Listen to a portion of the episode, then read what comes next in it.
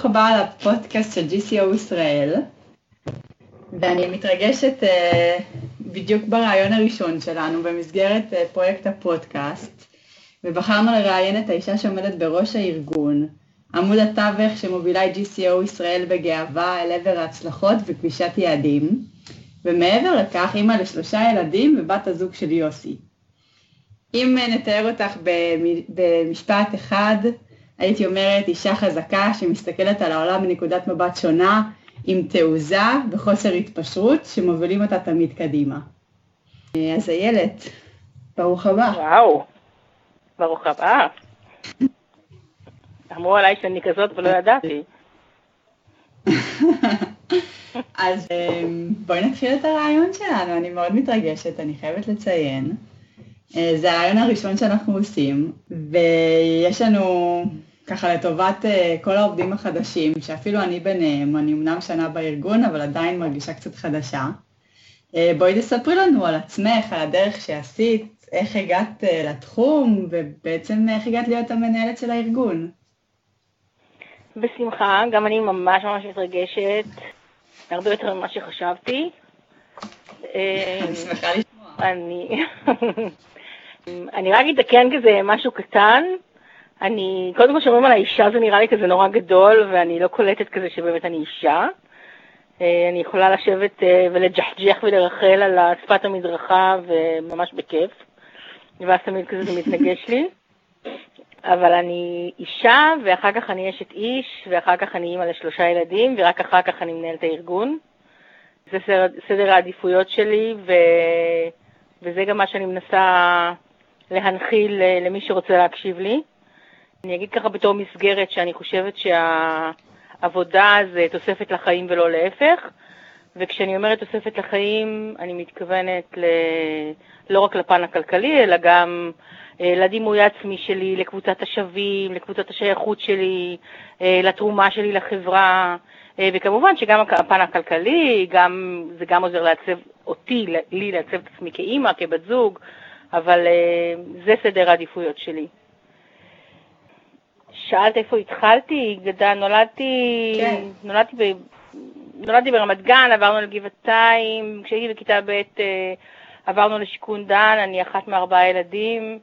אה, ככה בתחושה שלי במבט לאחור אה, גדלתי אה, כאילו במקום הנכון, כי לא כל כך מדברים על זה, אבל אני ממשפחה אשכנזית של הורים מלומדים, בסביבה מאפשרת, היו איתי בכיתה כל מיני בנים של ואחיינים של ונכדים של, הנכדה של משה שרת הייתה איתי בכיתה, הנכד של דורי היה איתי בכיתה, בתו של אלוף מוטי עוד הייתה איתי בכיתה, עכשיו אני לא אומרת את זה בתור name dropping, אני אומרת את זה כי בעצם כל מיני אנשים שהם נורא נורא חשובים ובדרך כלל רואים אותם בטלוויזיה, ראיתי אותם איך הם כועסים לילדים שלהם, וראיתי אותם איך הם כועסים ואיך הם עצובים באספת הורים, או איך הם שמחים באספת הורים, ואני חושבת שזה משהו שעזר לי לעצב את עצמי בתור בן אדם, שכחלק מהעניין שאני לא פוחדת לגשת לאינסטנציות, או לא פוחדת לנסות מדברים, בעצם מגיל מאוד מאוד צעיר ראיתי שמי שאנחנו רואים, מורגלים לראות בטלוויזיה, הם אנשים בדיוק כמונו. זהו, אני רוצה להתעכב כאילו על הילדות, הכל לכאורה יכול היה להיראות אה, רגיל ולא, אף אחד לא יכול היה לצפות את הדרך שאני אפלס לעצמי אה, כבן אדם מבוגר. אה, הייתי כזה רגילה בבית ספר, תמיד הייתי אה, מהילדים האלה של המלך הוא עירום, שרואים מה שלא צריך לראות ומדברים על מה שלא רוצים שידברו. לא הייתי ילדה קלה במרכאות, אה, מה שנקרא, ההורים שלי נפרדו כשהייתי בכיתה ז', אבל גם לפני זה תמיד כזה הייתה לי אג'נדה, או היה לי איזשהו אני מאמין שהייתי מוכנה לשלם עליו מחיר. ולמדתי, כאילו בתיכון כזה התגלגלתי משנה לשנה, לא ממש הצלחתי, אה, סיימתי בגרות עם שלילי באנגלית ומתמטיקה. מה שכן החזיק אותי זה שהייתי מאוד מאוד פעילה בצופים, ו...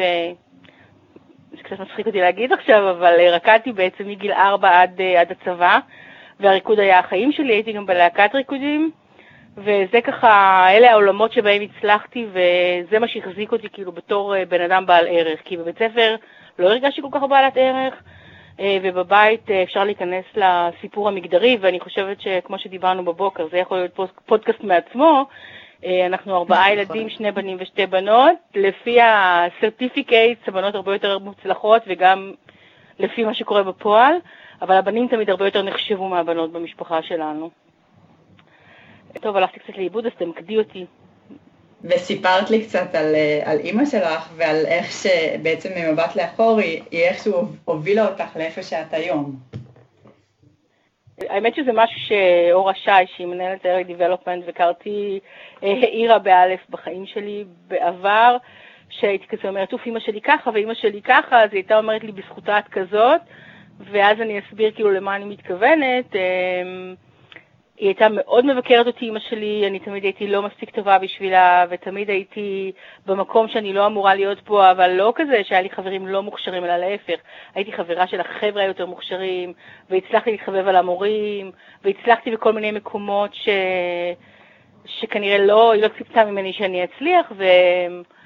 והיא תמיד הייתה אומרת את לא במקום שבו את צריכה להיות, אבל כאילו, את, כאילו את במקום שלא מגיע לך, כאילו, איך יש לך את כל הטוב הזה? ויכול להיות שזה חלק מהדרייב שלי, להראות שאני כן, כן ראויה למקום הזה. שיא השאיפות שלה אלה, קודם כל בכיתה ח' אה, סבא שלי היה מאוד מאוד קרוב לאימא שלי, והוא שלח אותי אה, לקורס אה, קלדנות, הייתה תוכנת, זה אפילו לא היה תוכנה, זה היה מכונת כתיבה, והוא אמר, קראו לי יוקלה בבית, ואז הוא אמר, כאילו קראו לי יוקה, והשם הכי בעיה יוקלה, ואני ככה זוכרת אותו, אני אומרת לך את זה עכשיו, אני שומעת אותו אומר לי, אה, בלאו הכי לא יוצא ממך שום דבר, אז לפחות תקחי קורס פקידות שיהיה לך מקצוע. כאילו זה כזה, זה מה שהולך איתי מכיתה ח'. מי שיושב לידי ורואה אותי מקלידה יודע שאני מקלידה מאוד מאוד מהר, יכול להיות שאני צריכה להודות לו על זה. אה, הכי הכי הרבה שאימא שלי ידעה לי בחיים זה להיות מורה, שזה בעצם מה שהיא הייתה, אחר כך הייתה גם מנהלת בית ספר. אה, כשסיימתי את הצבא, נרשמתי לאקדמיה למחול של רובין, אבל התקבלתי, אני אומרת במרכאות, רק למכינה, ואצלנו בפולין מכינה זה משהו שהוא לא נספר בכלל. ואז עשיתי מבחנים אה, לסמינר, ונרשמתי לסמינר קיבוצים, קיבלתי 97 בפסיכומטרי שם, שזה מתוך 100. ולא ידעתי אפילו אם זה ציון טוב או לא, התחילו לחזר אחריי מסמינרים, אה, גם מהקיבוצים וגם, מ, אה, וגם מלווינסקי, ואני זוכרת ככה שהייתי בשיחה עם מנהל אה, סמינר לוינסקי ושאלתי אותו אם 97 זה ציון טוב. בגלל שלמדתי בסוג של מגמה ביולוגית בתיכון, אז ככה למדתי, התחלתי את התואר הראשון בביולוגיה בלימודי הוראה לחטיבת ביניים ותיכון לכימיה, ו... כימיה וביולוגיה. כשסיימתי את הלימודים התחלתי לעבוד בתור מורה, ראיתי ככה, כאילו שמעתי את המורות מדברות על, ה, על העניין הזה של אם הם היו מחוץ לחברה הם היו נהיות לפחות ראש הממשלה, אז אחרי כמה שנים פשוט הלכתי לבדוק אם אני יכולה להיות ראש הממשלה, אז ראש הממשלה לא נהייתי, אבל אה, מנהלת GCO ישראל, כן. היו עוד כמה תחת דרך עד GCO. לגמרי, אז באמת, אה, בעצם אה, הייתי מחנכת של כיתה ז' וקראתי עבודת שורשים של אחד התלמידים, ואז ראיתי שאימא שלו תועמלנית רפואית, שזה נורא נורא קסם לי, היינו זוג צעיר, בלי דירה, בלי רכב, ותעמולה כך, כל מי שהיה מוצלח בביולוגיה בתואר הראשון, סיימתי את התואר באוניברסיטת תל אביב, לא ציינתי את זה קודם, וככה מתוך החברות שלי, מי שהיה מוצלח הלך, אה, ולא הלך לתארים מתקדמים, הלך אה, להיות תועמלן, קיבלו רכב חדש מהחברה, כל הדברים האלה, זה קצת נשמע לי ארכאי לומר את זה, אבל כל הדברים האלה היו הרבה פחות נגישים ממה שהם היום. או אולי בגלל שיש לי היום, אז זה נראה לי פחות נגיש, ואני יכולה יותר לתת לילדים שלי, אני לא יודעת כאילו מאיפה זה בא, התחושה הזאת שזה יותר נגיש. אז קראתי, ב... קראתי בעבודת שורשים של תלמיד שלי שאימא שלו תועמלנית, ואז אה, ביום הורים התחלנו לדבר על זה, ובאיזשהו שלב אמרתי לה, אוקיי, כאילו בואי, באנו לדבר על הבן שלך, בואי נדבר על הילד עכשיו, ו... אז היא אמרה, טוב, תבואי אליי לקפה ועוגה, ומפה לשם התגלגלתי לתעמולה. אה, התחלתי לעבוד בתור תועמלנית בחברה מקומית שנקראת דקסון, של ייצור מקומי. אחרי, התחלתי בתור תועמלנית, אחרי שנה וחצי בערך אה, נהייתי ראש צוות, אה, הריתי, הייתי בחופשת לידה, חזרתי, חזרתי לעבוד, היה לי, התחלפה מנהלת, הייתה לי מנהלת שמאוד מאוד אהבתי והערכתי את הדרך שלה, ואז התחלפה מנהלת למישהי שהיא נראתה לי כזאת מין בימבה שלו, שאין לה ערכים ואין לה, לה מטרות, חוץ מאשר להביא משכורת יפה הביתה.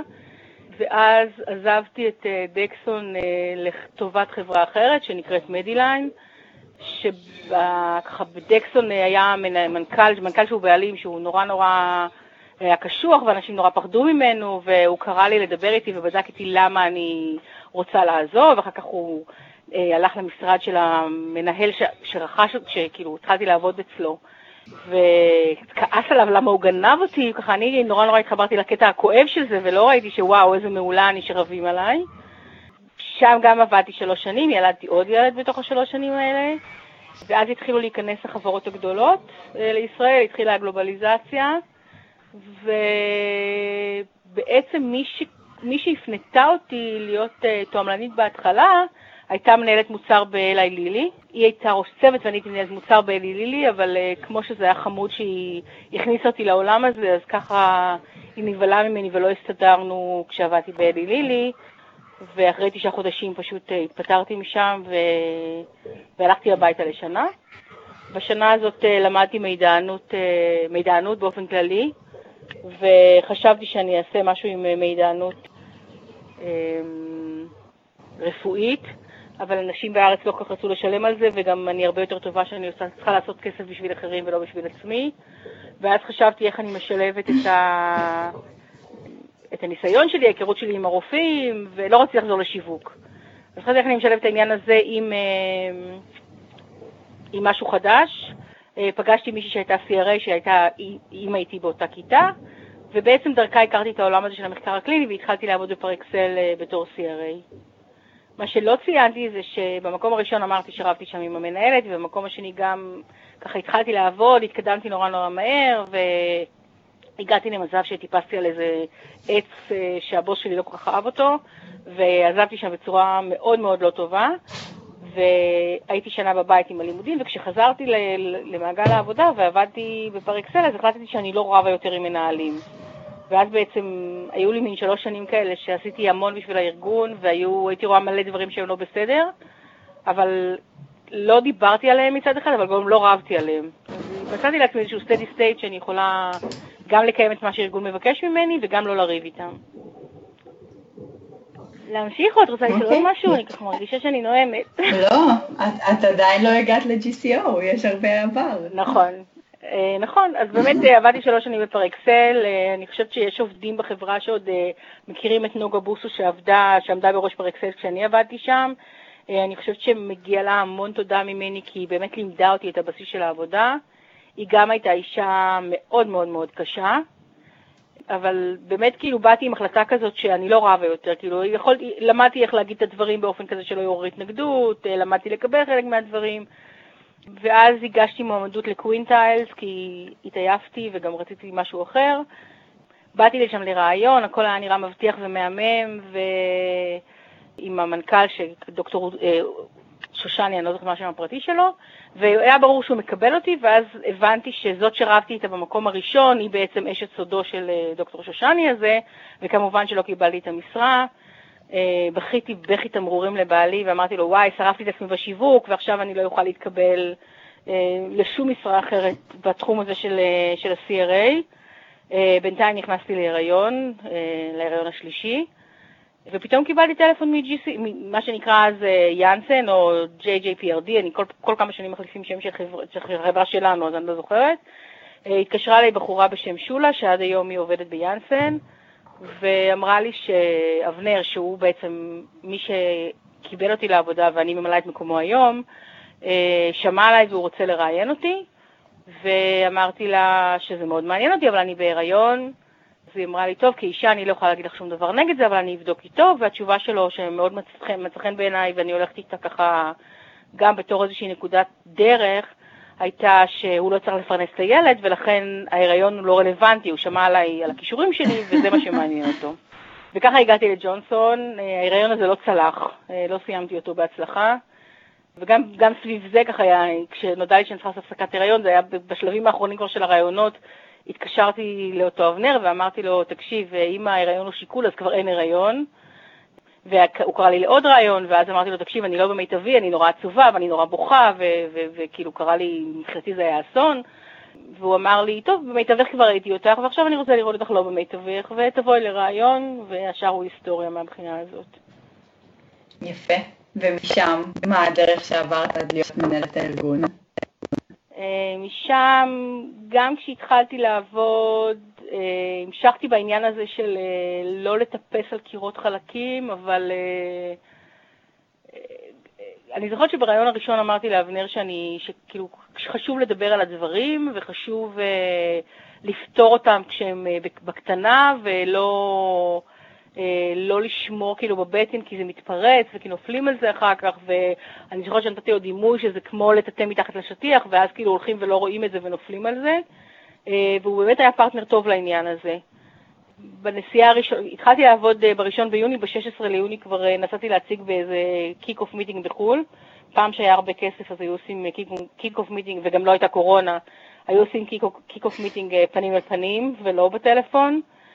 ובסוף הפרזנטציה שלי הוא כזה, הוא אמר לי, אוקיי, הפרזנטציה בסדר, ואז הוא אמר לי על איזה מישהי שהייתה יד ימינו, אני לא רוצה שתריבי איתה. ואמרתי לו, אוקיי, כל אחד אוהב להרגיש שהוא בן גוריון ושאין לו תחליף, אני אתן לה את ההרגשה הזאת, אבל זה לא אומר שאני אקטין את המקום שלי. והוא ענה לי על זה, הוא אמר לי 12 נקודות. אה, ואחר כך לאורך הדרך היו עוד אה, כל מיני דברים שיכולים היו להתפרש כ... כחיכוך, או יכולים היו להתפתח לחיכוך, אבל אה, אני חושבת שהשכלתי לנהל אותם באופן כזה ש...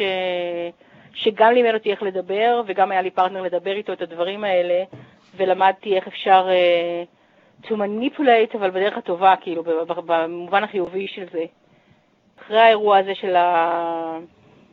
של זה שאני צריכה לתת לה מקום וכולי, כזה אחרי כמה ימים, uh, הייתה לנו עוד שיחה, ואז אמרתי לו, תקשיב, הבעיה הזאת היא, כאילו, הקטע הזה שלך הוא בינך לבינה, זה לא קשור אליי, ואני לא בעסק הזה בכלל.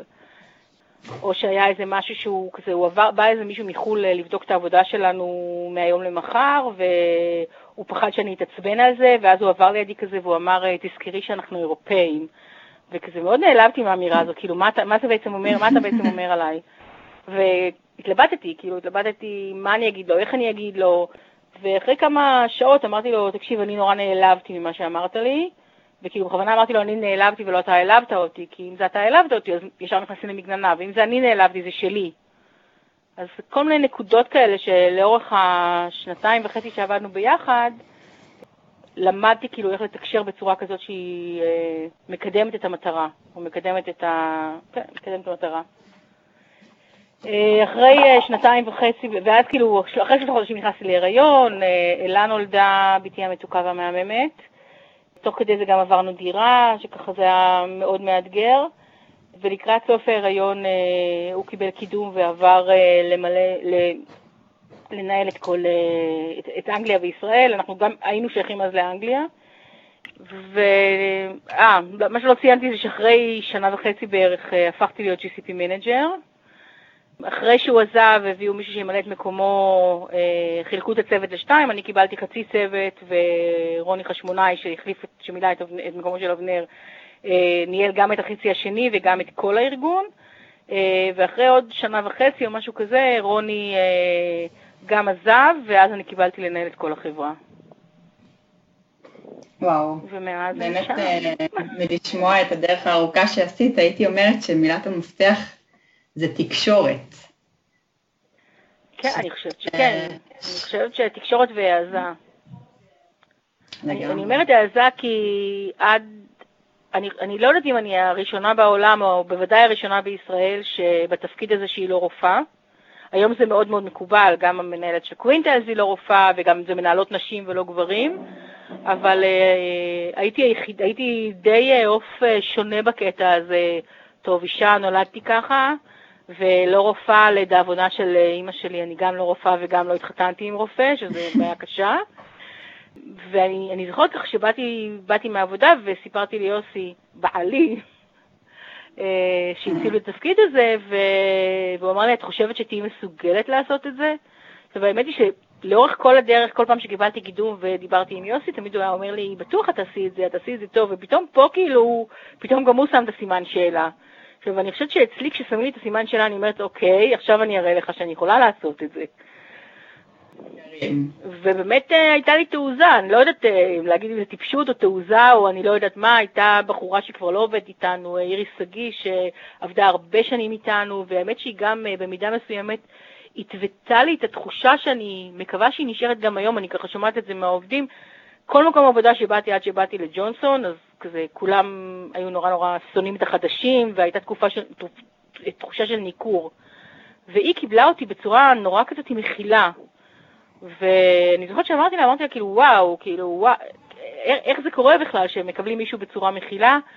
כשקיבלתי את הניהול של כל הארגון, היא אמרה לי, מהיום הראשון שנכנסת לפה כיוונת לכיסא הזה.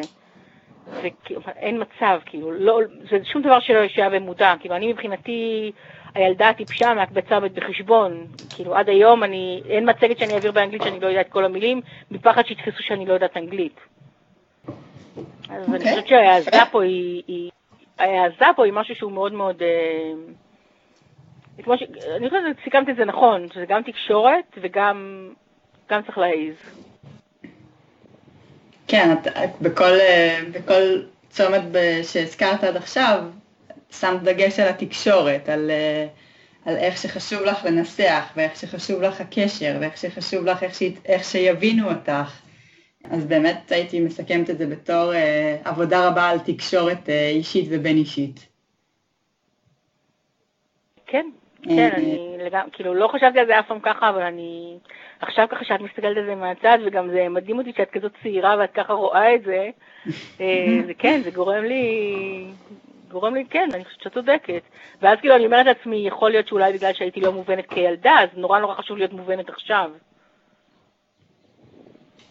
אה, יכול להיות, כמו שאמרתי, הקול של אימא בראש תמיד מוביל אותנו. כן. טוב, נמשיך. כשהייתי בכיתה, אני אגיד רק, אפרופו הקול של אימא, אני אגיד לך ככה עוד, אה, עוד משפט שמלווה אותי בחיים. אה, כשההורים שלי נפרדו, אמא שלי נורא נורא התביישה בזה, והיה לנו אסור לספר את זה. אפילו להורים שלה, סבא וסבתא שלי לא סיפרה את זה. והיה איזשהו יום בכיתה ז' שפשוט התפרצתי, היה לי מחנך מדהים, ופשוט התפרצתי והוא לקח אותי החוצה ושאל אותי מה קרה, ואז אמרתי לו, אסור לי לספר לך, והוא כולו היה בן 28, הוא נראה לי מאוד מבוגר, אז הייתי בת 13, ואז הוא אמר לי, הוא אמר לי, למה אסור לך לספר לי? אמרתי לו, אמא שלי לא מרשה לי, ואז הוא אמר, אני אמנם רק בן 28 ואני מחנך שלך, ואולי אסור לי להגיד לך את זה, אבל יש גיל שצריך להפסיק להקשיב להורים. וואו. וזה משפט שאני, גם כאימא אני אומרת לילדים שלי. וואו, כן, נכון, אבל זה איכשהו תמוה בנו. לגמרי. Uh, טוב, אז uh, עם, עם כל ההתגלגלות הזאת, עכשיו שאני, שאני שמעתי את כל, ה, את כל השתלשלות הדברים, אם לא היית היום uh, ב, ב, בארגון של מחקרים קליניים, איפה היית חושבת שהיית עוסקת? באיזה תחום היה מעניין אותך לעסוק? וואי, איזה שאלה. כאילו, חיכיתי לשאלה הזאת. כל כך הרבה תחומים. לא, ממש חיכיתי לשאלה הזאת, כי אה, לפני, אה, לא זוכרת כמה שנים, לדעתי חמש שנים בערך, עשיתי אה, תואר שני בשינוי חברתי בעזרת אומנות, במה שפעם היה לסלי קולג' בישראל. ואני אני כבר הרבה שנים מתעסקת עם העניין הזה של, של ההשפעה שלי על אנשים, היו הרבה שנים שהיה לי לא נוח עם זה, וגם היום זה די מפחיד אותי. אבל אמ, אני חושבת שאם לא הייתי בתחום הזה, הייתי מתעסקת במשהו שקשור למדעי הנפש. וואו. זה מצחיק אותי שאני אומרת לך מדעי הנפש, כאילו, כי, כי אנחנו מדברים על נפש, זה משהו רך כן. כזה, וזה כאילו, יש פה איזה קונפליקט ב, בשילוב הזה של מדעי הנפש. אבל נראה לי שזה מה שהייתי לא תשובה צפויה, יפה. מה, מה את חושבת שהטעות או החרטה הכי גדולה ש, שעשית בקריירה שלך, ואם את חושבת שהיה אפשר למנוע אותה? אני לא, זו שאלה שהיא קצת קשה לי לענות עליה, כי כבן אדם אני מסתכלת על החיים אה, בתור אה, דברים שקרו ומה אני לומדת מסיטואציות שהיו. ואני לא, אני, אני יכולה לספר אנקדוטות, אנקדוטות קטנות, אבל כאילו בגדול, בענייני, בענייני קריירה, אני לא חושבת ש... אני חושבת שבסופו של דבר השכלתי להשתמש בכל משבר כנקודה מצמיחה, וזה המון פעמים כשאנשים אומרים את זה, זה נשמע לי נורא נורא מאולץ, אבל uh, אני חושבת שזה כאילו, שזה כן מלווה את הקריירה שלי, ו... כשקואוצ'ינג היה פחות מקובל, הייתה איזה מישהי שהיא ביקשה לעבוד איתי בעניין של הנחיה, כאילו להנחות אותי. ואז אמרתי לה על ה-CV שלי, שהוא קופצני, והיא הסתכלה עליו, היא אמרה, כן, את כל שלוש שנים עוברת מקום עבודה, אבל זה בכיוון של צמיחה. ואז כזה נותן לי פרספקטיבה ש... שגדלתי מכל המשברים האלה. אני חושבת שברמה האישית, כאילו, והצמיחה האישית שלי, אני הייתי פעם מאוד מאוד נעלבת מעובדים, והייתי יכולה להגיב בחריפות, אני אומרת, לא בתוקפנות. יכול להיות שיש אנשים שיפרשו את זה לחריפות, אה, במקומות שכאילו יכולתי לוותר עליהם ולא לא להיכנס לשם. אה, אני אתן דוגמה, שירה מאור, שהיא באמת, שווה לכם לעשות לי דפות פודקאסט, אישה מהממת. באיזשהו שלב בקרי... בעבודה המשותפת שלנו, היא קיבלה להיות מה שהיום CRM. היא מאוד מאוד לא אהבה את זה, אבל היא קיבלה את זה. והייתה לה עובדת שמאוד נעלבה מאיזשהו מיצוב של כוח אדם שעשינו, והייתה, והייתה ישיבת צוות, ואז שירה הלכה לבחורה הזאת ואמרה לה, בואי לישיבה, והיא לא, אמרה, אני לא באה. ואז אני באתי בתור מנהלת ארגון, אמרתי לה, תקשיבי, יש ישיבת צוות עכשיו, תיכנסי לישיבה. והיא אמרה, אני לא באה, אני, לא משנה, חבל, כאילו, חבל על הזמן אה, להתעכב על זה. בסופו של דבר היא לא באה לישיבה הזאת, בתום הישיבה אמרתי לשירה, תקשיבי, זהו, כאילו, את צריכה להראות לה עכשיו מי המנהל, והיא צריכה ללכת הביתה. והיא באה למחרת, הבחורה, ואמרה שהיא חשבה על זה, ובאמת זה מעשה שלא יעשה, ופה ושם, ואמרתי לה, שירה, היא מושכת אותך באף, כאילו. היא, היא לוקחת את החודש הזה לחפש עבודה, עכשיו היא תודיע לך שהיא עוזבת. ולימים זה מה שקרה, ואמרתי לה, שירה, אבל אני, אני הולכת איתך, כאילו מה שתחליטי זה בסדר בעיניי, גם אם את אומרת לה כן עכשיו ושתישאר, וגם אם את אומרת לה כן והיא תעזוב אחר כך, אני איתך, כאילו אני אתן לך גם מה שלא תחליטי, וכך היה. והיא כמובן אה, הודיעה שהיא עוזבת, והיא עשתה רמת כוסית, והיא מאוד מאוד השקיעה, היא כתבה, היא עשתה מדבקות, והיא כתבה לכל אחד מהעובדים כאילו מה היא חושבת עליו, והיינו קבוצה כמובן הרבה יותר קטנה. ואני לא באתי לרמת כוסית הזאת, ואז היא באה אליי ואמרה לי, אה, בואי, אני עושה רמת כוסית, אני עושה פרידה, אז אמרתי לה, אני נפרדתי ממך ברגע שלא נכנסת לישיבה אז. אני חושבת שזה מין משהו כזה שמנהל לא צריך, כאילו, צריך להתעלות מעל, מעל אירועים כאלה. גם מנהל וגם אדם, כן. כאילו, צריך לא להיכנס למקומות האלה. אז כמו שאת אומרת, גודלים מהדברים האלה. אה, כן. אם, אם עוצרים רגע ולא פועלים מאוטומט ומסתכלים גם בפרספקטיבה, אז כן. ובנקודה שונה יכולה לשתף אותנו ברגע מכונן בחיים שלך או בחיי הקריירה שלך? אה, וואו. אני חושבת שקצת דיברתי על זה בקטע הזה ש... שהבנתי שאני מטפסת על הרים של על עצים שאני לא יכולה לרדת מהם אחר כך. הנקודה שבה החלטתי שאני לא רבה יותר, ואז הייתה לי מין השתאות כזה של שלוש שנים, שלמדתי איך זה לקבל דברים שאני לא לגמרי מסכימה איתם ולעבוד איתם. ואחר כך באמת התמזל מזלי שהגעתי למקום שיכולתי לדבר על הדברים האלה ולעשות אותם, לעשות אותם ככה.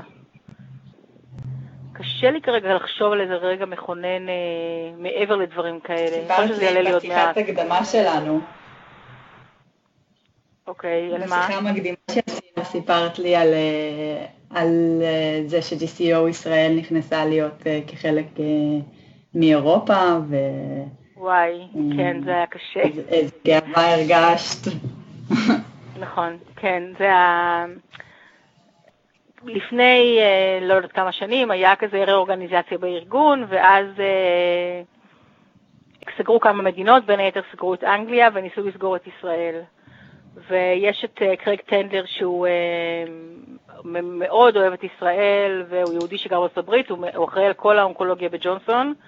אה, יכול להיות שגם משהו באישיות שלי מצא חן בעיניו, אה, והוא ממש התעקש שישראל אה, תישאר פתוחה ותנהל, ונעשה רק מחקרים באונקולוגיה, כי בזמנו זה ממש היה, זה לא נחשב, זה היה הרבה עבודה ומעט ריקוגנישן, ו... אז ישראל נשארה פתוחה, עברנו לדווח למזרח אירופה, וזה היה מאוד מאוד קשה. לא, היה, לא הייתה שום, שום הצלחה שלנו, לא נספרה כהצלחה. תמיד הייתי צריכה עוד להתנצל שהייתי עושה דברים, אני, אבל קצת קשה לי, לירון, לחשוב איך את מחברת את זה לרגע מכונן, האמת. כאילו, איך את מקשרת את זה? כהצלחה בקריירה, בתחום המקצועי. מה ש... זה מה שאת מכוונת, לא מה שאני. זו שאלה מופנית אלייך. סתם זה עלה לי מהשיחה, אבל יכול להיות שאני טועה. כן. אני חושבת שלמ... אני... אני לא יודעת אם לקרוא לזה רגע מכונן, אבל uh, בכל השנים האלה גם למדתי uh, ללכת עם האמת שלי, uh, עם האג'נדה שלי, עם אמות המוסר שלי, וגם האמת היא שהצוות בישראל, וחלק ממנו כבר מלווה אותי הרבה שנים, או אני אפילו לא רוצה להגיד מלווה, אני חושבת שאנחנו עובדות ביחד, uh, ענבל, uh, שבעצם מהיום האחרון שלה באקדמיה באה אלינו, ו... וענת שהייתה סטאדי קורדינטור קודם, וליקה, ואורה שבכלל 12 אה, שנה עבדנו קודם, ואחר כך עשתה הפסקה והיא חזרה. Uh, האמת שהיא חזרה בזכות ענבל, אני לא חשבתי על זה בכלל, אבל ענבל הייתה אמורה לצאת לחופשת לידה, והיא יצאה גם, והיינו צריכים מישהו שמכיר את המערכת, ובדיוק אורה רצתה לחזור למעגל העבודה, שירה מאור שככה נתנה לי קרדיט לאורך כל הדרך, רעות, אני מקווה שאני לא מפספסת אף אחד מה, ככה, מהוותיקים של ראשית הדרך, אבל אני חושבת שאת כל העוצמות ואת הערכה ואת ה, הדרייב ללכת קדימה, אני שאבתי מהן, ולא, וכאילו, הייתי מקבלת אה, על הראש כאילו מבחוץ, ואז כאילו בבית הייתי מקבלת העצמה והרגשה כזה של, אה, של, של, של, שאנחנו שווים, שאנחנו עושים משהו טוב ביחד. אה, ואם אמרת שהכל מתחיל מהבית, אז ככה אני מנסה לחשוב אה, זה קצת תמיד מזכיר לי את ה, את, אותי בתור ילדה, כי אימא שלי ואבא שלי לא היו איתי ולא תמכו בי, ואימא שלי כל הזמן נזפה בי, שזה אני לוקחת את זה כאילו אה, למנהלים שלי. ועם אחותי למשל אני בקשר מעולה, ויש לי חברות שאני בקשר מצוין איתן, כאילו את, ה, את העוצמות שלי קיבלתי מה... מסוג של קבוצת השווים. את החיזוק החיובי. מהמם. ויש לי שאלה גדולה לשאול אותך. אני מחכה. נגיד והיית עומדת בראש, נגיד, שרת הבריאות או משהו כזה, איך היית משנה את תחום המחקרים הקליניים? לו כל התחום היה באחריותך. וואו, זה ענק. אמ, אני חושבת שבסך הכל הדברים אה, מתנהלים, הם מתנהלים נכון. אני חושבת שהרגולציה היא חשובה כי היא שומרת עלינו. אני חושבת ש... בישראל לפחות, המוטיבציה של הרופאים והמוטיבציה של המטופלים היא מאוד מאוד גבוהה. דווקא הייתי uh, משנה את זה בתחום של ה, שלנו, של ה, לא, לא GCO אלא CRAs בכלל, או מי שמתעסק במחקרים קליניים. אני מסתכלת על הרגולציה, על ה-ICA-GCP, בתור uh, משהו שמגן עליי ומשהו שנותן לי, עליי ועל החולים, uh, עלינו כארגון, נותן לנו uh, רשת ביטחון לעבוד בצורה נכונה. ונותן את הרציונל לבקשות שלנו. וכשאני שומעת uh, ש-CRA, לשמחתי הרבה, לא אצלנו בקבוצה, אני מקווה שאני גם לא אשמע את זה אצלנו בקבוצה, כי אנשים לא ירגישו ככה, לא כי לא, כי לא רוצים שאני אשמע. כשאני שומעת שאומרים uh, ככה צריך כי זה מה שכתוב ב-GCP או, או דברים כאלה, זה מרגיז אותי, כי, כי יש רציונל מאחורי הדברים האלה, אנחנו לא עושים דברים כדי לעשות אותם. אם יש רגולציה, היא נועדה לשמור על המטופל, ו, ו, ויש לזה סיבה. והייתי רוצה שאנשים יותר יבינו מה הם עושים ולמה הם עושים את זה, ולא שהם רק יעשו SDV ו... ויכינו תיקים רגולטוריים להגשה לרגולטור. אוקיי, okay, זה חשוב, זה הליבה של המקצוע שלנו. בעיניי כן, בעיניי כן, אבל uh, נתקלתי באנשים לאורך הקריירה, שוב, לשמחתי לא אצלנו, אבל uh, נתקלתי לאורך הקריירה, גם במחקרים שקיבלנו מחברות אחרות, או בתשובות שהן לא מקובלות עליי. אמרה פעם אה, מנהלת, אה, אני לא אגיד את החברה כי, כי לא רוצה להסגר אנשים, אבל מנהלת אחת חברות ה-CRO שקיבלנו ממנה מחקר, וביקשתי שנעשה אודיט על המחקר הזה, מחקר שכבר היה בתוך כדי. ביקשתי שנעשה אודיט על המחקר הזה כדי לראות כאילו, לא בשביל לבקר אותה, אלא כדי לדעת איפה אנחנו עומדים מבחינת איכות, לדעת איך אנחנו הולכים קדימה. והייתה שם איזו טעות חמורה בטופס 8. וואלה, איך את לא ביקשת את זה? זה מישהי שהייתה היא הייתה בוסית שלי בפר אקסל פעם, היא לא הייתה בוסית של כל פר אקסל, לא חשוב, לא רוצה לתת יותר מדי אה, פרטים מסגירים. אמרתי לה, איך את לא התקשרת למשרד הבריאות וביקשת לשנות את זה? אז היא אמרה, אנחנו לא אוהבים לריב עם משרד הבריאות. אני אומרת, למה להגיד משהו שהוא לא ברגולציה זה לריב? כאילו, למה צריך להביא את זה בכלל למרחב הזה של מריבה? יש נוהל, הנוהל הזה בא להגן עליי ועל משרד הבריאות, אז בואו בוא נפתור את זה בתוך המרחב הזה. וככה הייתי רוצה שזה יהיה. לפעמים אה, תוך כדי עבודה אנחנו קצת אה, מאבדים, מאבדים את הלמה ואיך. בשביל זה אני פה. בדיוק. גם בשביל זה. אוקיי, אז אה, מה, מה החלום שלך שהגשמת בחיים, ומה החלום שאת עדיין עובדת על הגשמתו? וואי, אני חושבת ש... לא היו לי חלומות, כאילו היו לי, יכול להיות שבגלל הסביבה שבגדלתי, זה שההורים שלי נפרדו, זה ש... לא יודעת, כאילו, אני אף פעם, כשאני מסתכלת על זה בפרספקטיבה של גיל, זה לא, לא נראה לי כזה חמור, אבל כשהייתי קטנה זה נראה לי כזה, גם אמא שלי נורא נורא מסכנה שהיא לבד, וכאילו היא נורא הלכה למקום של המסכנות, שאני ממש לא ככה. אז לא היו לי חלומות כאלה גדולים בחיים, כאילו, הייתי מסמנת מטרות ומשיגה אותם, בריקודים, בצופים, אה, הלימודים נגיד, לא הלכתי למשהו כזה, לא למדתי רפואה, לא למדתי משפטים, לא למדתי מדעי המחשב, כאילו, זה כאילו אלו מטרות קטנות ומדידות שאני אה, אמורה להצליח בהן.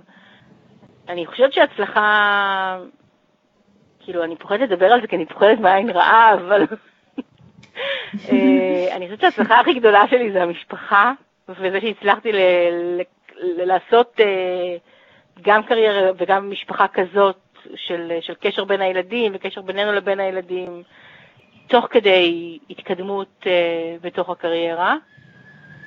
ולעתיד, כאילו, אני רוצה שכולם יהיו בריאים, אני יודעת, באמת, אה, אני בן אדם מאוד גזי עם רגליים על הקרקע, אני לא חושבת על חלומות שאני לא רוצה, לא יכולה להשיג אותם.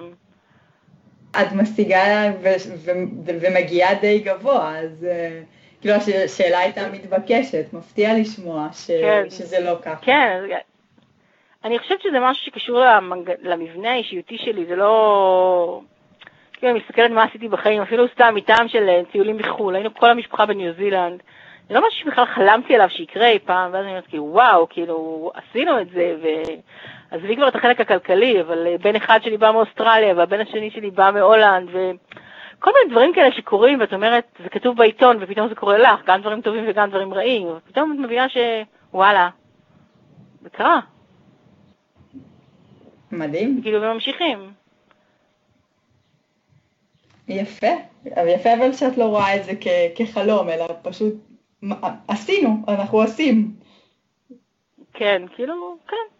קרה, כאילו, קרה לא בקטע כזה, לא בשביל להוזיל את העניין הזה, אלא כאילו יש פרויקט, צריך לעשות אותו. ובמידה מסוימת זה גם קצת, אה, יש לי קטע כזה עם בכי שאני ממש בוכה מלא ואני בוכה ליד אנשים ואני לא מצליחה לעצור את זה, וזה גם קטע ביני לבין אימא שלי, שכאילו הייתה אומרת לי למה את בוכה כמו טיפשה, אז כזה דיברת על המקום שתמיד זה חוזר, זה המקום שאצלי תמיד חוזר אחורה.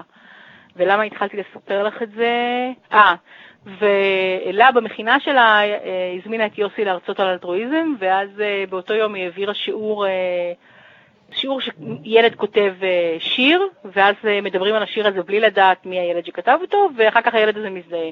והשיר הזה עסק בבכי, וכאילו אני והבת שלי, שגם בינינו יש קטע עם הבכי הפוך, כי היא מתבאסת שאני בוכה, יושבות באותו חדר, והיא מוליכה שיעור שקשור לבכי. ומה שמאוד מאוד מצא חן בעיניי זה, א', בן כתב את השיר הזה, וב', אה, הוא אמר שמי שלא באמת בוכה, הוא גם לא באמת שמח. זאת אומרת, מי שלא באמת עצוב, הוא לא באמת שמח. וזה קצת מחבר אותי למה שאת אומרת על העניין של החלומות, כי, כי אני באמת מסתכלת על החיים כמו פרויקטים. כנראה. אוקיי, לא, לא סתם את בתחום של ניהול פרויקטים. כן, כנראה. והייתי רוצה לגעת רגע בנקודה המגדרית שאת מדברת עליה הרבה. אמרת שה, שהתפקיד חייך והדבר שאת הכי גאה בו זה המשפחה שאת uh, מגדלת והילדים שלך והזוגיות שלך. מה לדעתך החיבור והאיזון הכי מוצלח או הכי נכון בין קריירה למשפחה? מה שהרבה פעמים גם עוצר נשים מלהתקדם, המחשבה הזאת שזה אולי לא יכול לבוא ביחד, או שזה בא אחד על חשבון השני. אני אסתכל על זה מפרספקטיבה קצת כאילו יותר מגבוה מהשאלה שהיא ספציפית אה, לעבודה. אני חושבת שיש אה, קושי בהידברות בין מגדרית בכלל בעולם. כל העניין הזה של הפמיניזם שישר מעורר התנגדות, אני חושבת שיש פה איזשהו קושי בהידברות, וזאת נקודה אחת. בישראל זה בכלל מסובך עם כל העניין של אה, נשים שיולדות בנים שהולכים לצבא. ואני חושבת שאנחנו כנשים מאוד תופסות את המקום של יודעות ומחליטות, ומה הבעל שלנו ילבש, ואיך נחנך את הילדים שלנו, והבעל אחראי לצאת החוצה ולהביא את הכסף, והאישה תשב בבית ותחליט את כל ההחלטות הלא חשובות, כמו באיזה חוג הילד יהיה, ולאן הוא ילך, ומתי ירחצו כלים, ומתי ישטפו את הבית וכל זה. ואני לא שם, זאת אומרת, אני בחיים שלי לא החלטתי לי עושים מה הוא ילבש, למרות שיש כאילו יש לו חולצות כאלה עם חיות שאני ממש לא יכולה לסבול את זה כבר, אבל זה שלו. אמ, אני יודעת ללכת לישון כשהכיור מלוכלך, זאת אומרת יוסי רוחץ כלים, ומבחינתי גם יהיה שבוע כלים בכיור. אני לא נוגעת בכלים, אבל זה לא בקטע של כופף ידיים, זה כאילו, כי זה לא שלי. אני ויתרתי, כאילו ויתרתי על המקום הזה, וויתרתי על המקום שהבית תמיד יהיה מסודר. אני חושבת שיש לנו איקס אנרגיה, לכל אחד מאיתנו יש איקס אנרגיה, ואנחנו צריכים לדעת איך לחלק אותם. אי אפשר להיות גם עקרת בית למופת, וגם אימא למופת, וגם עובדת למופת. אה, ביטוי שככה שמעתי אותו לאורך השנים זה אימא טובה דייה, ועובדת טובה דייה, ואשת איש טובה דייה, ועקרת בית טובה דייה, ו- ויש מקומות שאני מוותרת בהם. אין... אה, אני מוותרת ואני גם מקווה שזה ישמש דוגמה לאחרים. אני הולכת לישון, הרבה פעמים אני רוצה, כזה, אני יודעת שליקה היא, היא באמת, היא עקרת בית למופת, ותמיד הבית שלה נקי, והיא עובדת מצוינת, ו, והמון פעמים כזה, אני מכבדת את יוסי, אז אני לא עושה את זה, אבל מלא מלא פעמים בא לי כזה לצלם את הכיור ולהגיד לה, אפשר ללכת לישון גם ככה. וכאילו, וזה מסתדר, ובסוף הכיור מסודר, כאילו. הכלים מחכים, הם לא בורחים מקום. אבל גם, גם מלא פעמים עכשיו אני צוחקת, כי אני קמה הרבה אחרי יוסי, ואני קמה בבוקר, ופתאום הכיור נקי, ואז אני אומרת, וואי, היה פה גמד בלילה. כאילו זה גם, זה גם הולך להיות מין הומור משפחתי כזה. ואני, אם נסכם את העניין הזה, אז אני חושבת שכדי לצלוח את, ה, את המסע הכבד הזה, והוא באמת באמת כבד, ואנחנו לא דיברנו פה על uh, uh, קשיים שהיו עם הילדים לאורך השנים, uh, קשיים בזוגיות, כאילו מבחוץ הכל נראה כזה יופי וטופי, אבל כל אחד מאיתנו עובר קשיים לאורך הדרך. הקטע הזה של לוותר ולדעת מה שלי ומה לא שלי, מה, ש... מה באחריותי ומה לא באחריותי, וברגע שמשהו לא באחריותי, זה לא שלי יותר. ולפעמים זה נורא נורא קשה לוותר על זה, כי את מאבדת שליטה, כי את, כי את עצובה על משהו שוויתרת עליו, אבל יש דברים שהם לא שלי. הכיור הוא לא שלי, והבחירה של הילדים שלי, מה הם יעשו בחיים שלהם, היא לא שלי, ומי יהיה חבר שלהם. כמובן, אני יכולה לנסות לכוון ולהסביר להם מה אני חושבת, אבל בסוף זה שלהם. אני חושבת רק עוד דבר אחד אני אגיד uh, לגבי העניין הזה של, ה, של הוויתור, שברגע שלמדתי לשחרר ולדעת שיש דברים שהם של מישהו אחר, אז גם למדתי לשחרר לעצמי ולקבל את עצמי לא תמיד כמושלמת, שזה משהו שהיה לי מאוד מאוד קשה. זאת אומרת, הייתי עובדת על 1 או 0, ואני חושבת שגם בגלל זה לא הצלחתי בבית ספר, כי לא הייתי 100, אז, אז הייתי 5. אבל אני חושבת שהשבוע שמעתי איזה פודקאסט אה, שדן חמיאל, הוא פסיכולוג שמטפל ב-CBT, דיבר עליו, והוא דיבר על, אה, על המטרה לעומת סולם הערכים, ובעצם המטרה שלנו בנויה מסולם הערכים שלנו, לפי מה שהוא אמר, ומאוד אהבתי את זה. ואני אומרת, לפעמים כשאנחנו רוצים להגיע למטרה אנחנו מאבדים את הערך. וכל עוד, עוד אני שומרת על סולם הערכים שלי, אז לפעמים הדרך יכולה להשתנות. זה קצת קשה, כאילו, אני חושבת, אה, צריך לחשוב על המשפט הזה. יפה, יפה, אני מכירה את זה בכיוון הפוך, שהתוצאה נמדדת מהדרך ולא להפך. אז אה, אפרופו, אה, אנחנו נזכיר את אמא שלי, אמא שלי, אם הייתה יודעת כמה אני מזכירה אותה, הייתה מאושרת בטח, אבל היא הייתה אומרת לנו בתור ילדים, נגיד הייתי מקבלת 60 או 70 או 80, לא משנה, במבחן, והייתי אומרת לה, אבל השתדלתי. אז התשובה שלה הייתה, אין הערכה על השתדלות, יש הערכה על תוצאות או משהו כזה. שזה משפט נוראי בעיניי, כאילו, נוראי. כן. כן. כן, טוב. גדלנו משם, כמו שאת אומרת. לגמרי. טוב, בואי נדבר קצת על הקורונה.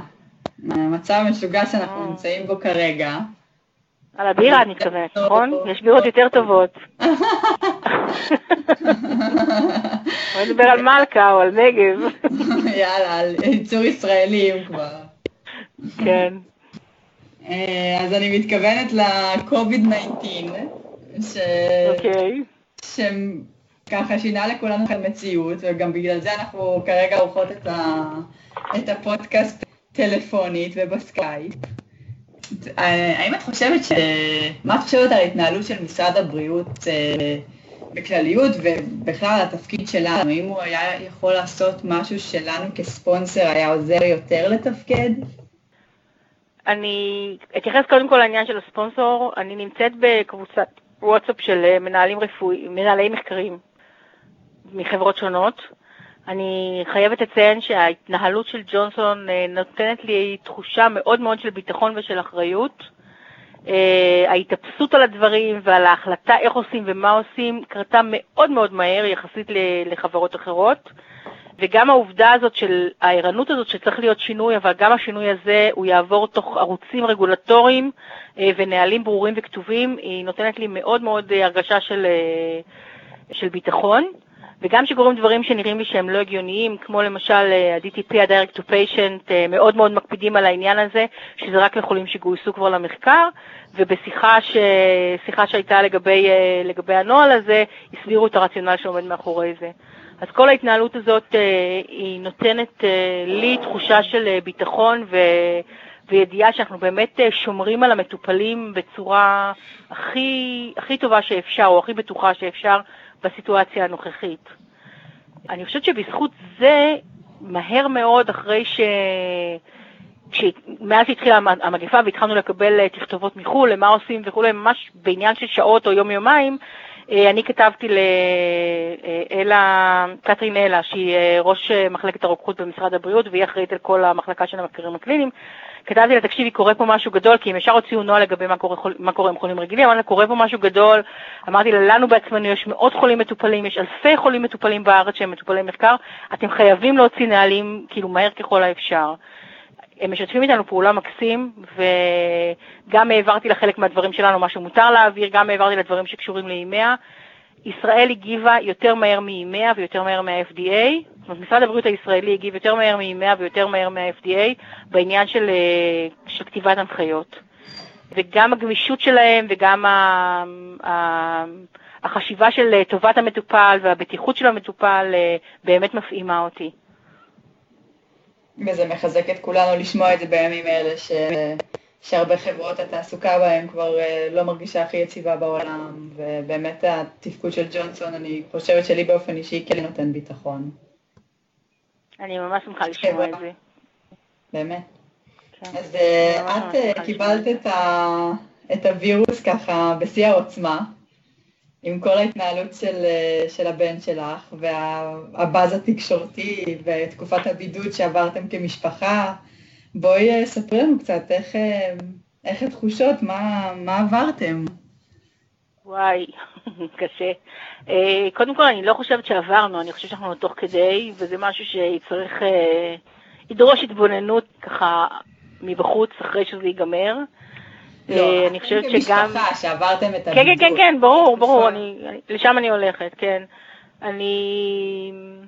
קודם כל, כאילו, באמת הקורונה תפסה אותנו נורא נורא קרוב, כי ב-7 במרץ ארגנו יום הולדת אה, לארז, לבן הגדול שלנו, יום הולדת 30, וכבר התחילו לדבר על הקורונה, והתחילו לדבר על זה ש...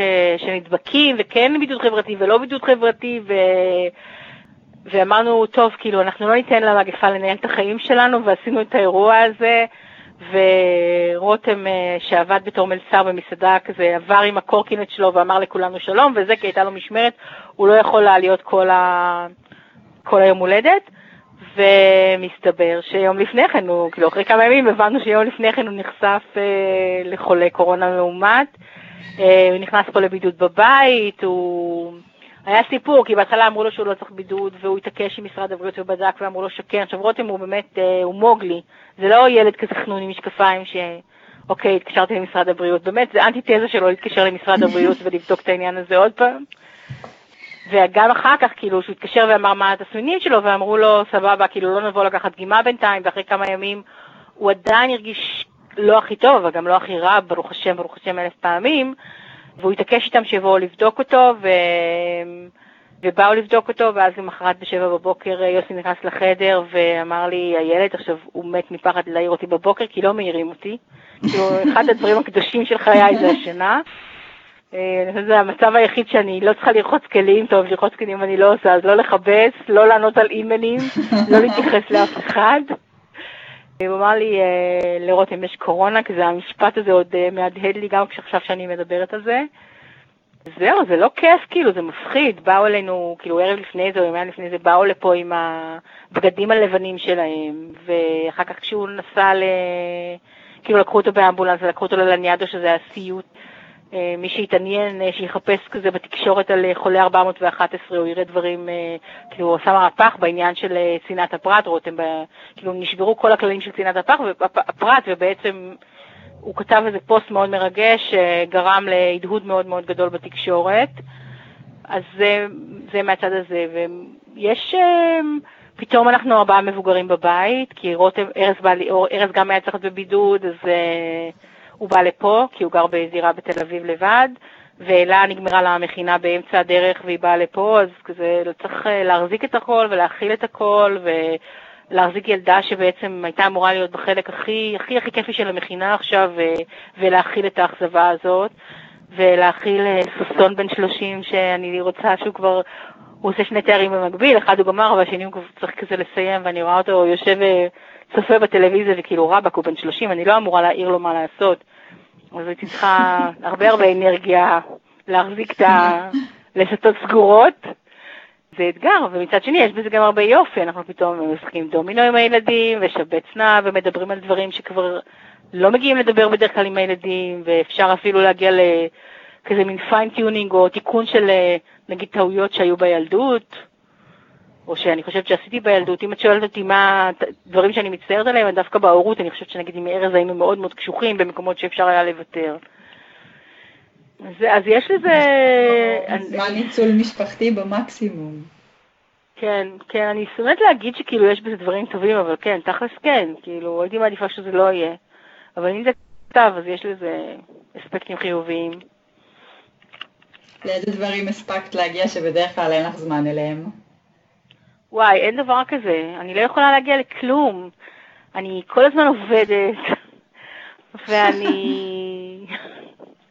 או שאני עובדת, או שאני כזה... שיחקתם דומינו ועשיתם... אה, נו, סבבה, אז חשבתי לדבר... כן, לא דברים כאלה כן. נכון, אז אה, הלכתי להטיס אה, רחפן עם הבן שלי בן ה-30, ואז אמרתי, כאילו, וואלה, אני משחקת עם ילד בן 30, איזה כיף. כן, דברים כאלה, את יודעת. אז זה מה שכאילו, זה עשינו. אפרופו אה, המחלה, אני יכולה ככה לתת אנקדוטה קטנה, אני הייתי במילאנו בדיוק, לפני שהתחילה שם כל הבלגן, הייתי לילה אחד במילאנו מהעבודה, הייתי שם חולה למוות, כאילו הכיתי כל הלילה, ולמחרת ישבתי בחדר והתנזלתי, וכאילו היה לא נעים לשבת בחדר ישיבות עם כל המנהלים של המדינות האחרות. וחזרתי ממש אה, שעתיים לפני הזמן שאמרו אחר כך שצריך להיכנס לבידוד, זאת אומרת, אם הייתי, אם הנחיתה שלי הייתה שעתיים אחרי, אה, אז כבר הייתי צריכה להיות בבידוד מה-12 או 13 במרץ, ואנחנו צוחקים בבית שאני ה-citizen number one במילאנו, בעצם אני הבאתי את הקורונה למילאנו. ממש. כן. איך את חושבת שהעבודה ב-GCO תיראה אחרי הקורונה? וואי, אני חושבת שכל המשק וכל העולם וכל התחומים, כאילו, היום שאחרי זה לא, זה לא יחזור ליום האפס. זאת אומרת, זה לא יהיה... זה... כשהייתה מלחמת המפרץ למשל, אז כאילו הלכו עם מסכות, ואז יום אחד זה נגמר, ושמו את המסכות בארון, וזהו. וכאילו חזרו, וזה חזר להיות אחורה, המשכנו במקום שבו הפסקנו. אני לא חושבת שזה, שזה מה שהולך לקרות עכשיו. אני חושבת שהחזרה תהיה הדרגתית. אני חושבת שמבחינת העובדים, ואנחנו נדבר על זה, ב...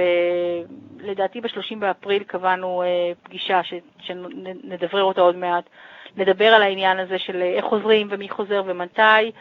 אף אחד, תלוי כמובן, אה, אני לא רוצה להגיד את זה בצורה נחרצת, אבל בגדול כאילו, אנשים צריכים להרגיש נוח כשהם באים לעבודה. ברגע שמפסיקים את ההסגר, או שהולכים לבתי חולים ברגע שמפסיקים את ההסגר. גם כאן התחושה שלי של ביטחון מהארגון היא מאוד מאוד גדולה. היום הגשתי בקשה ל-VP של כל GCO, זאת ההנחיה, שהוא צריך לאשר כל on-site visit, וכתבתי לו כזה הכל בדיוק לפי הנהלים ובטבלה מסודרת, ולא כתבתי לו מספיק ברור שה-CRA אה, רוצה, רוצה או שמחה, או שזו המוטיבציה שלה לצאת ל site. והוא כתב, כתב לי אה, שהוא מאשר את זה בתנאי שה-CRA רוצה לצאת ל site או מסכימה לצאת ל site. אז אני חושבת ש... אז מהבחינה הזאת אני חושבת שאנחנו כולנו צריכים להיות uh, ככה, להרגיש נינוחים, שכמובן שבכל משהו uh, סביר, וכרגע אני לא יכולה להגדיר מה זה סביר, כל מה שסביר אנחנו הולכים עם הפנים למטופ... לעובד. אני מסתכלת, ככה אם דיברנו קודם על הדברים הטובים שקורים ב... בסיטואציות כאלה, היה המון דיבור על עבודה מהבית לפני שיצאנו למגפת הקורונה. אה, הייתה התמרמרות בקרב חלק מהעובדים שלחלק מהעובדים יש אישור לעבוד מהבית ולחלק מהעובדים אין אישור לעבוד מהבית. אה, לנו כהנהלה היה חשש אה, איך אפשר לשמר אווירה של צוות כשלא נמצאים אחד ליד השני כל יום. ואני חושבת שבמקומות האלה זה משהו שאני והמנהלות נצטרך לתת חשיבה ולראות לחלק החיובי של העניין הזה, כאילו איך אנחנו יכולים למנף את זה ואת הביטחון שקיבלנו בתוך המערכת, יש המון המון דברים שקורים מסביב בלי קשר לקורונה, הצוות גדל מהר, נכנסים לתרפויטיקרים חדשים, וגם העניין הזה של, של עבודה מרחוק פתאום, אז אני חושבת שבאופן מלאכותי קיבלנו אפשרות, או היינו חייבות להתמודד עם העניין הזה של עבודה מרחוק, ואני חושבת שזה נתן לנו הרבה ביטחון לשנ... לעשות חשיבה נוספת, אני לא רוצה להגיד לשנות כרגע, אבל לעשות חשיבה נוספת לאיך ייראו החיים אחרי. אה, גם מהבחינה הזאת של אה, הכמיהה של חלק מהעובדים לעבוד מהבית חלק מהימים, של אה, אולי hot לחלק מהעובדים, כי אנחנו לא נקבל עוד משרדים אולי. תהיה פה, גם עכשיו וגם תהיה פה חשיבה, חשיבה מעמיקה ל... נגיד איך לנצל או איך ליהנות או איך להשתמש ב... במשבר הזה בתור משהו ש... שייתן לנו אפשרות לשפר את איכות החיים שלנו בעבודה. אני חושבת שיהיו הרבה אנשים שישמחו לשמוע את זה. הדיונים שאמרת שפנו אלייך, אבל אה, בהחלט, אני, נראה לי שכולנו הבנו שזה, השד לא כזה נורא והעבודה ממשיכה. כן, בהחלט. טוב, לא עכשיו... היה, גם, גם קודם זה לא היה, זה, רק, זה לא בא ממקום של השד נורא, זה בא מ, באמת מהמון המון, זה כמו מין משוואה במתמטיקה עם המון משתנים, וצריך לבודד חלק מהמשתנים כדי לדעת מה עובד נכון. כן, ואז באה הקורונה ולא השאירה לנו הרבה ברירה. נכון, בדיוק. בדיוק. אז יש לנו עוד כמה משתנים. יש לי הפתעה לקראת uh, הסוף. הכנתי אוקיי. שאלון, okay. שהוא שאלון אסוציאציות. את מתבקשת לא לחשוב יותר מדי ולשלוף תשובות הכי מהר שאת uh, יכולה. מוכנה? את קשה איתי, לירון. כן, את קשה איתי. יאללה, בואי נתחיל. מה הסרט האהוב עלייך? אני אגיד החיים היפים עכשיו, כי זה מה שעולה לי לראש. או, וואו, סרט מרגש. איזה ספר את הכי אוהבת? אמ, וואי, שכחתי איך קוראים לה. זאת שכתבה את למטיס, ענת קציר, זאת שכתבה את למטיס יש את השמש בבטן, אבל לא את הספר הזה, אני לא מצליחה להיזכר עכשיו איך קוראים לו. ספר שמדבר על הקשר של אימא ובת, ויש שם כזה קטע מאוד מאוד חזק של אה, ילדה שמקריאה איזה חיבור שהיא נבחרה להקריא אותו, והאימא ככה מרחוק מקשיבה לחיבור הזה, ובטקס שילוש בית הספר, והאימא הולכת בתוך כדי, ה... כדי הטקס, וכשהילדה מגיעה הביתה היא אומרת לה, אימא אומרת לה, איך את חושבת שהרגשתי שם שראיתי את הבת שלי עם חולצה לא מגוהצת? וזה משפט שבקלות יכולתי לשמוע בלייב, כאילו. אוקיי. מה היית לוקחת איתך לאי בודד? כרית שינה שלי, את הכרית שלי כאילו, עם הריח שלי. ספציפית. כן, כן, כן, ממש. מי האדם שהכי השפיע עלייך בחיים? אני חושבת שהבן אדם הראשון שהשפיע עליי בחיים זה המורה שסיפרתי מכיתה ז', שכזה אמר שלא תמיד צריך להקשיב להורים. וואו.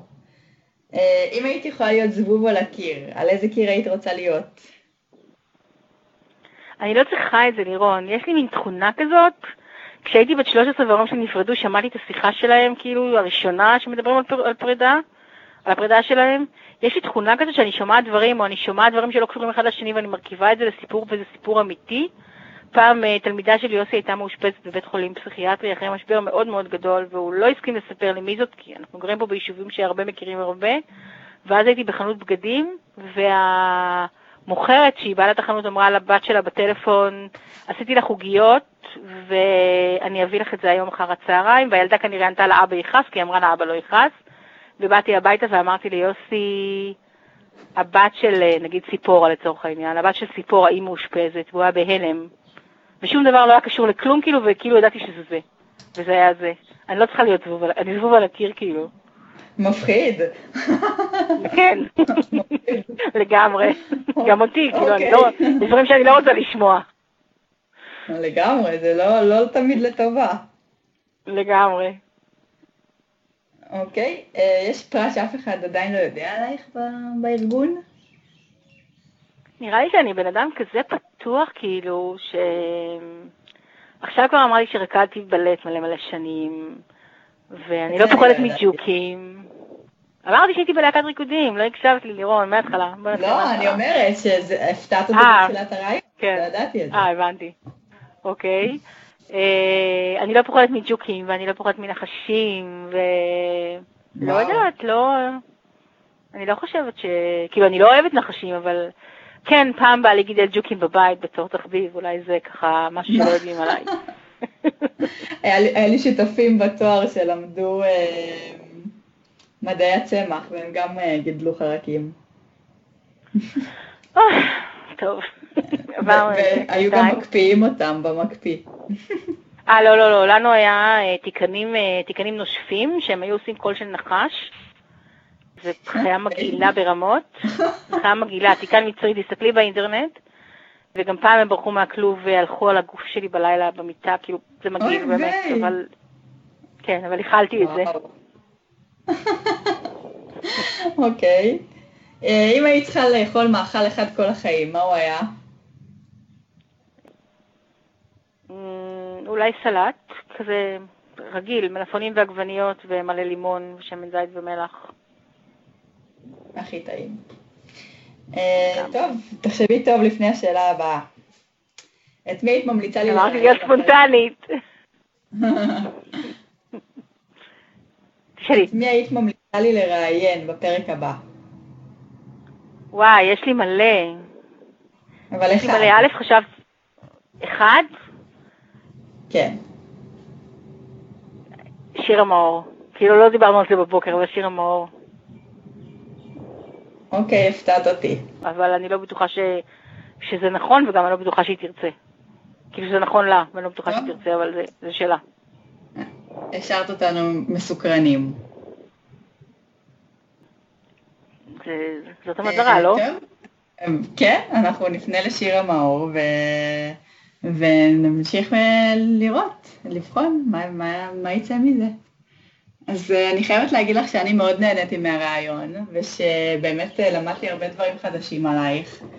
וגם אני חושבת שזו בעצם השיחה הראשונה שאנחנו ניהלנו בפתיחות, למרות שאני כיוונתי אותה והיה לי כיף להוביל. ואני ממש אוהבת את הרעיון של הפודקאסט, ואני שמחה שככה שיתפתי פעולה.